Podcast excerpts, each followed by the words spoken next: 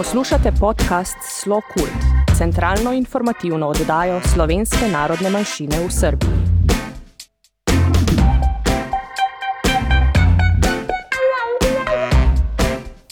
Dragi slušalci, dobar dan i dobrodošli u našu novu emisiju Slo Kult podcasta, centralnu informativnu emisiju namenjenu članovima slovenačke zajednice u Srbiji, slovencima po svetu i u Matici – kao i svim zainteresovanim za slovenačku kulturu i savremeno stvaralaštvo slovenačke zajednice u Srbiji.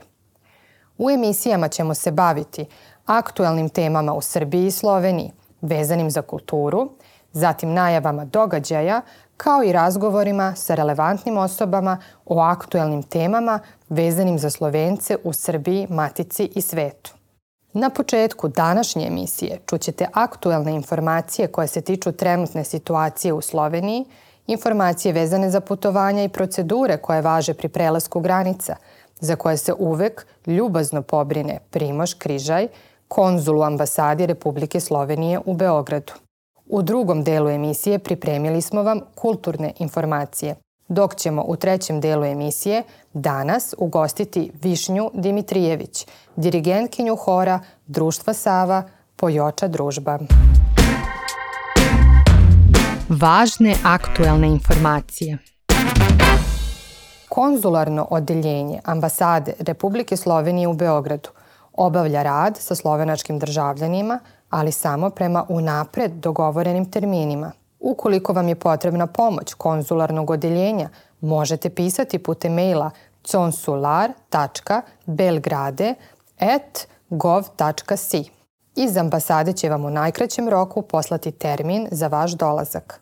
Sve informacije se ažurno objavljuju na internet stranici ambasade Republike Slovenije. Srbija spada među države za koje postoji visok rizik od zaraze virusom COVID-19 i nalazi se na crvenom spisku.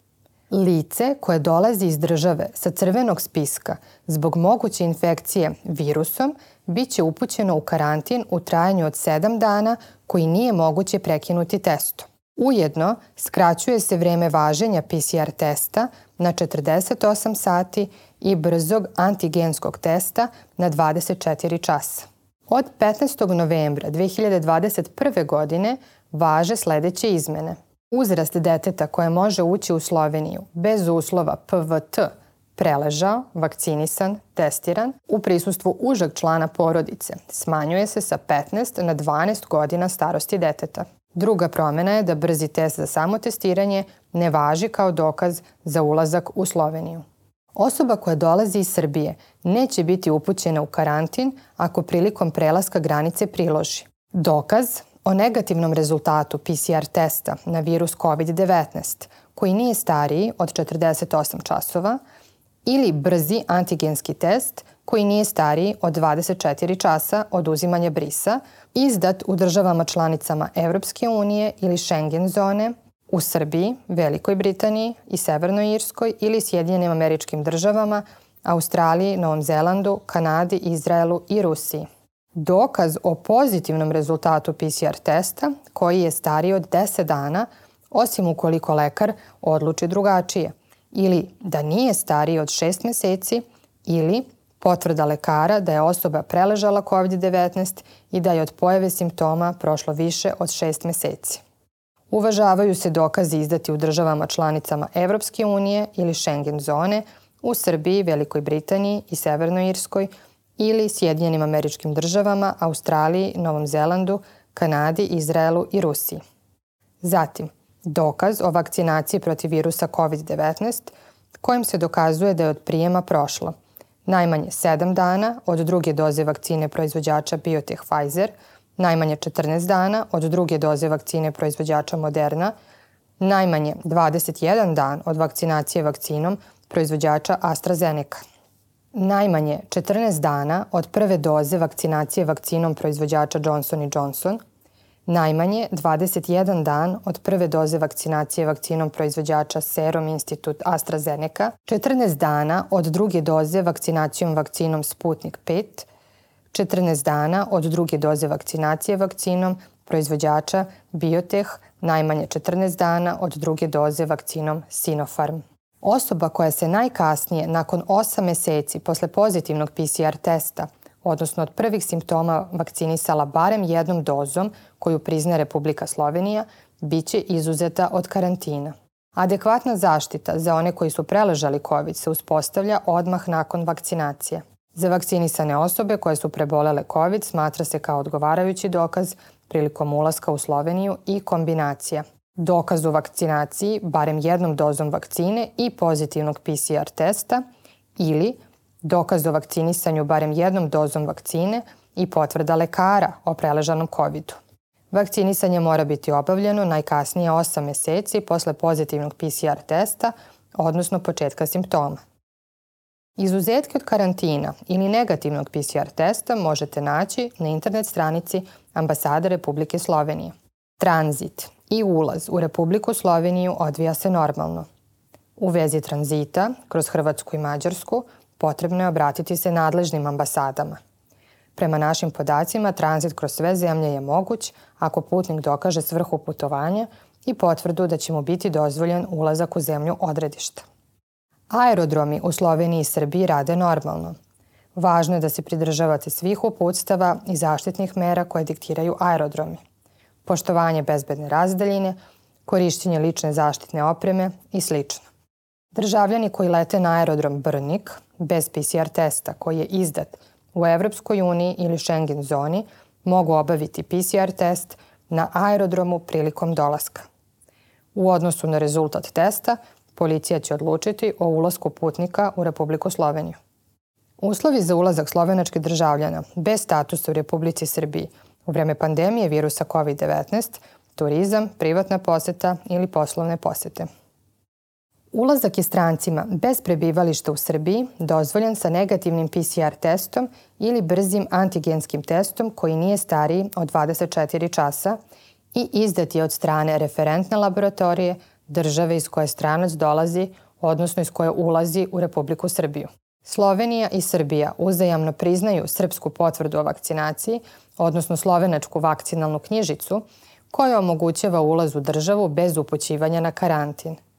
Osobe moraju biti vakcinisane sa obe doze vakcine, odnosno jednom dozom u slučaju vakcine proizvođača AstraZeneca i proizvođača Johnson Johnson, ako je prošlo najmanje 14 dana od prve doze vakcine. Državljani Slovenije mogu ući takođe sa potvrdom da su preležali COVID-19 u poslednjih 180 dana, odnosno da je prošlo najviše 8 meseci od zaraze virusom i da su primili bar jednu dozu vakcine.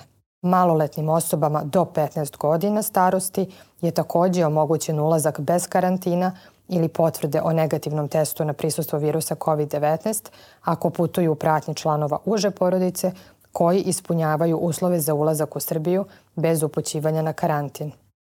Državljanima Republike Srbije i strancima sa uređenim stalnim ili privremenim boravkom u Republici Srbiji koji pri ulasku u Republiku Srbiju nemaju negativan RT-PCR test na prisustvo virusa COVID-19, koji je izdat od strane referentne laboratorije države iz koje dolaze, određuje se sedmodnevni kućni karantin – U slučaju da putnik prekorači važnost testa, odnosno 48 sati, što nije krivica samog putnika, već posljedica drugih nepredviđenih okolnosti, kašnjenje, odnosno pomeranje vremena leta, odlaska autobusa, voza i drugo, važnost testa se produžava za još 72 sata. Kultura U Palati Srbija je 19. januara 2022. godine održan sastanak predsednika Nacionalnih saveta nacionalnih manjina u Srbiji sa gospođom Gordonom Čomić, ministarkom u vladi Republike Srbije i njenim timom. Na sastanku se govorilo o radu ministarstva, kao i radu nacionalnih saveta u prethodnoj godini, kao i o planu aktivnosti ministarstva i nacionalnih saveta za tekuću 2022. godinu. Pored navedenog, govorilo se o dva najvažnija događaja koja slede u 2022. godini, popisu stanovništva i izborima za nacionalne savete. Saša Verbić, predsednik Nacionalnog saveta Slovenačke nacionalne manjine, je zatražio da Ministarstvo za ljudska i manjinska prava i društveni dijalog omogući nacionalnim savetima pristup javnom servisu Srbije radi sprovođena kampanje za slobodno izjašnjavanje pripadnika nacionalnih manjina na predstojećem popisu stanovništva. Obaveštavamo sve zainteresovane za učenje slovenačkog jezika da se u organizaciji Centra za slovenščinu kod drugi intuji jezik u Ljubljani organizuju tečajevi slovenačkog jezika za koje se može zatražiti stipendija. Tečajevi se održavaju kako u Sloveniji, tako i online. Rok za prijavu za prolećne tečajeve je 10. februar, odnosno za tečaj za srednjoškolce 15. februar 2022. godine. Takođe, sve zainteresovane za studiranje u Sloveniji obaveštavamo da se 10. februara 2022. godine održava online predstavljanje studija namenjenim Slovencima koji žive u zamejstvu im po svetu. Bićete u prilici da čujete informacije vezane za studiranje kao i život u Sloveniji. Online susret ćete imati sa predstavnicima univerziteta u Ljubljani, Mariboru, Univerziteta na Primorskim i Univerziteta u Novi Gorici. Više informacija o tečajevima i načinu prijavljivanja možete naći na internet stranicama centerslo.si, stranici Društva Sava i stranici slokult.info. Dragi učenici slovenačkog jezika u Društvu Sava, posle zimske praznične pauze, nastava slovenačkog jezika se nastavlja po ustaljenom rasporedu. Kancelarija za administrativne poslove u društvu Sava radi sa članovima svake srede od 18 do 20 časova na terazijama 3. Dragi slušaoci, budite slobodni da sve zanimljive i važne informacije koje su vezane za kulturne i druge događaje slovenačke zajednice u Srbiji, kao i u Sloveniji, podelite sa nama. Vaše predloge možete poslati na našu e-mail adresu redakcija at slokult.info. Intervju Kao što smo najavili u uvodnom delu emisije, naša gošća danas je Višnja Dimitrijević, dirigentkinja hora Društva Sava Pojoča družba, kao i hora Kamerna Pojoča družba. Višnja, dobar dan i dobro nam došli u emisiju Slow Cult Podcast. Dobar dan, bolje vas našla. U godini koja je za nama, e, godini u kojoj je i dalje prisutna epidemija koronavirusa, uspevate da sa pojočom družbom, kao i kamernom pojočom družbom, održite zaista pozamašan broj uspešnih koncerata. Kako biste vi opisali i sumirali utiske iz prošle godine? Pa moram da kažem da je 2021. onako na opšte iznenađenje bila mnogo bolja nego 2020. Bez obzira što nas ta pandemija COVID virusa i dalje nije napustila šta više, verovatno je intenzivnija, ovaj, se, nego što je bila u 2022. pardon, u 2020. ali je zaista doneo na, na planu e, prosto i horova i čitave te muzičke delatnosti i zabavne donala neviđen boljitak u odnosu na 2020. Pre svega mislim da su ljudi nekako navikli da žive sa tim i pronašli su neke druge načine da dopru ovaj, do svoje publike. Tako da 2021. je stvarno dobila, donala zaista ovaj, boljitak. Problem je, najveći problem, najviše su pogođeni pandemijom bili horovi, zato što su oni i od strane Svetske zdravstvene organizacije ovaj, i generalno su prepoznati kao neka vrlo opasna mesta u doba pandemije, što ima i logike, zato što ima mnogo ljudi na malom prostoru, jel te? I iz tog razloga naš rad je bio praktično onemogućen tokom nekoliko meseci. Mi gotovo godinu dana nismo radile skoro ništa, nešto smo malo online pokušavale, ali mi smo ponovo ozbiljno počeli da radimo tek početkom 2021. Znači, negde u januaru, pa eto, pre godinu dana smo počela ozbiljno ponovo da radim, stvari su se promenile na bolje i nadam se prosto da će tako i ostati. Bilo je potrebno mnogo truda uložiti, morala sam da držim odvojene probe, da šaljem materijal online i slično, ali nekako ta želja za radom i motivacija uvek su prevazilazile sve, sve teškoće na koje smo nailazile. Jasno, jasno. Kažete da svakako, mislim, delo da je zaista bilo teško organizovati ovaj probe, ali da li ste se okupljali ili su probe održavane online? Pa, okupljali smo se, ja sam pokušala nešto malo online na početku, ovaj, kada je tek krenuo onaj lockdown, mislim 2020. ali šta znam, nekako nekako, mislim, dijelom sam odgovorila već na ovu prethodnom ovom e, pitanju. Ja stvarno imam ogromnu motivaciju i kad je muzika u pitanju uvek se sve mnogostruko vrati, kada je u pitanju rad ovakve neke vrste. Uh, upravo jedan od razloga zašto volim ovu profesiju jeste što rezultat ne može da izostane ukoliko ste zaista dovoljno vremena uh, i truda ovaj, uložili. Što se tiče proba online rad, naravno da ima mnoge prednosti, ali mislim da ta vrsta rada nekako nije za mene i jako sam ja od uvek još od detinstva važila za glavnog kompjuteraša u društvu i stvarno poznajem i brojne softvere koji prevazilaze prosto neko znanje običnog prosečnog čoveka, moram da priznam da se nikako nisam snašla u ovoj vrsti komunikacije.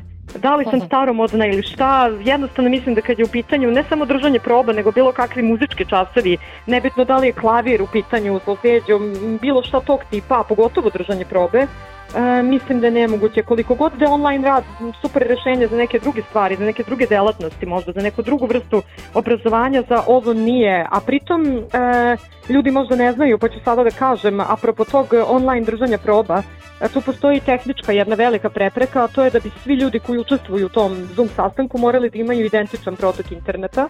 E, dakle, u govoru nije problem ako neko zakasni jednu stotinku, ali kada je u pitanju pevanje, bukvalno pola stotinke može da čitavu konstrukciju onako poput kule od karata ovaj, poruši, tako da mi nemamo praktično tehničke mogućnosti. Morali bi svi da imaju identičan protok interneta i morali bi svi da imaju vrlo kvalitetne uređaje, zato što ono što može da istrpi govor na reč, ne može muzika da, da istrpi. Znači, to, to je jedna ogromna preciznost zahtevana gde, mislim, hoću kažem, tehnički je nemoguće da se online proba ovaj, održi. E sad sa druge strane naše prostorije ove u društvu gde probamo su dovoljno velike da stvarno tu ne da imamo ona 2 metra razmaka nego možemo, imamo taj luksus da se i na 5-6 metara raširimo ovaj, e, ako želimo. E, tako da u tom smislu mislim da moje probe nisu baš neko pretarano opasno mesto u doba pandemije. Svakako su manje opasne nego neki prevoz ili prodavnica i slično. A što se tiče ovog drugog ansambla, ovog KPD-a, komorne družbe, Uh, znate šta, oni su ljudi profesionalci, znači to su profesionalni muzičari, mladi koji znaju da čitaju note, koji mnogo što što to mogu sami da urade. I sa njima sam i pre pandemije radila na neki drugačiji način, znači ja sam i pre pandemije njima prosto slala materijal, oni nauče sami i mi se nađemo samo tako na dve, tri probe. Mislim, prosto drugačije, drugačije stil rada sa, sa njima, zato što oni znaju veliki deo, veliki deo oni mogu sami da odrade kod kuće. -huh. Hvala. A, da li biste nam rekli nešto više o samim koncertima koji su održani i da li biste neki posebno izdvojili? E, znam da zvuči kao kliše, ali ja stvarno ne mogu da izdvojim jedan koncert, zato što je toliko bilo mnogo događaja, e, toliko smo sa mnogo ljudi uspostavili kontakt, sa mnogo institucija sa kojima nismo ranije imali, dakle nove saradnike smo stekli, neke nove prostore smo osvojili, neki novi deo kulturne scene ovaj, smo mi osvojili. U tom smislu stvarno ne znam, e, dakle sa KPD-om, sa ovom komornom družbom sam imala svega dva nastupa, ali su oni bili izuzetno značajni. Prvi nastup je bio na festivalu Dias Organorum, to je festival Orgulja, Uh, gde u principu 80% programa jesu orgulje, ali uvek se nađe mesto za poneki hor ili neki drugi ovaj, kamerni ansambl. Uh, moram da kažem da je to stvar koja je stvarno mm, koja može zaista da nam otvori brojna vrata, zato što to je, to je koncert koji je, mislim, to je festival koji je rezervisan pre svega za zaista za eminentne muzičare koji su se već i tekako dokazali. Čisto da vam kažem da od srpskih horova jedino za koga znam da je tu nastupao je hor radio televizije Srbije. Mislim, to je prosto takav, takav kalibar koji se tu traži. Mislim, svi muzičari koji na tome nastupaju ovi orguljaši, to su uglavnom orguljaši svetskog renomea, inostrani, tako da je velika čast i meni kao orguljašu što sam tu imala prilike da nastupim, a pogotovo što su i pozvali ovaj, moju komornu pojaču družbu. Ono što je takođe značajno osim našeg uobičajenog programa, festival nam je poručio da premijerno izvedemo jednu kompoziciju. U pitanju je misa e, francuskog kompozitora Erika Satija, koja dakle nikad u Srbiji nije izvođena, eto mi smo imali premijerno. Tako da, hoću da kažem, taj koncert je možda u tom nekom smislu formalnom najznačajniji, ali je meni emotivno naravno značajniji moj specijalistički koncert koji je toliko puta odlagan upravo zbog pandemije i konačno je na kraju u novembru održan na kome je takođe e, komorna pojača družba ovaj, e, nastupala. Sad to možda u tom nekom smislu e, našeg marketinga nije toliko bitan kao ovaj Dios Organorum, ali je meni zaista onako ve, veoma bitan. Što se tiče pojača družbe, dakle ovog velikog ansambla, Nastupali smo na svim onim festivalima na kojima smo i ranije tokom godina bili uvek radoviđeni gosti, znači Novi Sad, Subotica, pa u novije vreme i ekumenski festival e, horova u, u Zemunu, ali takođe smo imali dva jako lepa m, velika solistička koncerta. Jedan je bio u junu mesecu u Narodnoj biblioteci Srbije, dakle prvi put smo tu imale ovaj, e, prvi put smo imale prilike tu da nastupimo, a drugi je bio veliki naš božićni koncert e, sada u decembru koji je bio u Muzeju nauke i tehnike. Tako da to su neka dva nova prostora gde ranije nismo imale prilike da nastupamo, imali smo u protekle godine dva velika solistička koncerta tu. Zaista lepo. jeste, jeste, moram da, moram da priznam. Jeste, svaka čast. Um, kakvi su planovi za tekuću 2022. godinu? Pa u današnje vreme vrlo je teško nešto planirati u napred, mislim i dalje smo u ovoj covid krizi, pogotovo sa horovima, mislim i ti festivali su svi prebačeni za 2021. pa onda sad vidim za 2023. četvrtu. Jako, jako je teško prosto kada su horovi u pitanju ovaj, da, se, da se nešto planira. Eventualno možda kratkoročno, tako da za to i kratkoročno samo i mogu da vam kažem. E, najpre imamo jedan lep događaj koji će biti 5. februara. E sad, narod ovde kaže nije svaki, nije svaki dan badnji dan, ali moram da kažem da jeste ukoliko ste članovi mog hora, zato što će 5. februara, 5. februara će da ide ovaj, online božićni koncert. E, tako da eto to možete pratiti na mojoj Facebook stranici kao i na Facebook stranici e, Društva Sava. Da, malo se šalim, ali iz tehničkih razloga nije, nije bilo moguće da, da pustim taj koncert baš kad je bio Božić, zato ga puštam sada. To je u stvari snimak sa našeg koncerta koji sam malo čas pomenula iz, iz Muzeja nauke i tehnike. Dakle, to je 5. februar, subota, 8 uveca će verovatno biti. E, zatim 8. februara ćemo imati jedan manje događaj u društvu povodom obeležavanja dana Prešerna. E, to je dakle ono što sada znam zasigurno što, će, što će biti i ono što sada već je tradicija neka, a to je da polovinom marta imamo naš veliki martovski koncert i iskreno se nadam da će to moguće biti u ovim uslovima da se održi i tu bih voljela da spojim oba ansambla na, na jednom istom koncertu. E pa lepo da imamo i odmah nešto i da najavimo za ovu godinu. Ne, naravno, naravno imamo, imamo da najavimo, eto barem, barem kratkoročno. Sjajno, hvala. E, da li biste za kraj želeli još nešto poručiti našim slušalcima? E, pa šta bih mogla da kažem da ne zvuči kao neke kliše, ali zaista iskreno od srca mislim ovo što ću reći, a to je da čak i u najcrnjim vremenima kakva su ova današnja, nemojte gubiti veru, nadu i optimizam. Nađite u svemu nešto dobro. Mislim, kao što svi znate, moja profesija je verovatno, pored onih ugostitelja, najviše pogođena pandemijom u svakom smislu, i u finansijskom, i u kulturnom, i profesionalnom, zaista u svakom smislu. Ali upreko stano ove protekle dve godine nikako ne smatram izgubljenim, ni u kom smislu. Naprotiv, za mene su izuzetno bile produktivne, kako kad je u pitanju moja delatnost pri Ruštu Sava, tako i na mom ličnom planu profesionalnog razvoja. A, što se tiče naših slušalca, ako slučajno spadate u grupu ljudi koja je zbog pandemije neplanirano dobila dodatnog slobodnog vremena, evo izvolite, priključite se nekom od mojih ansambala.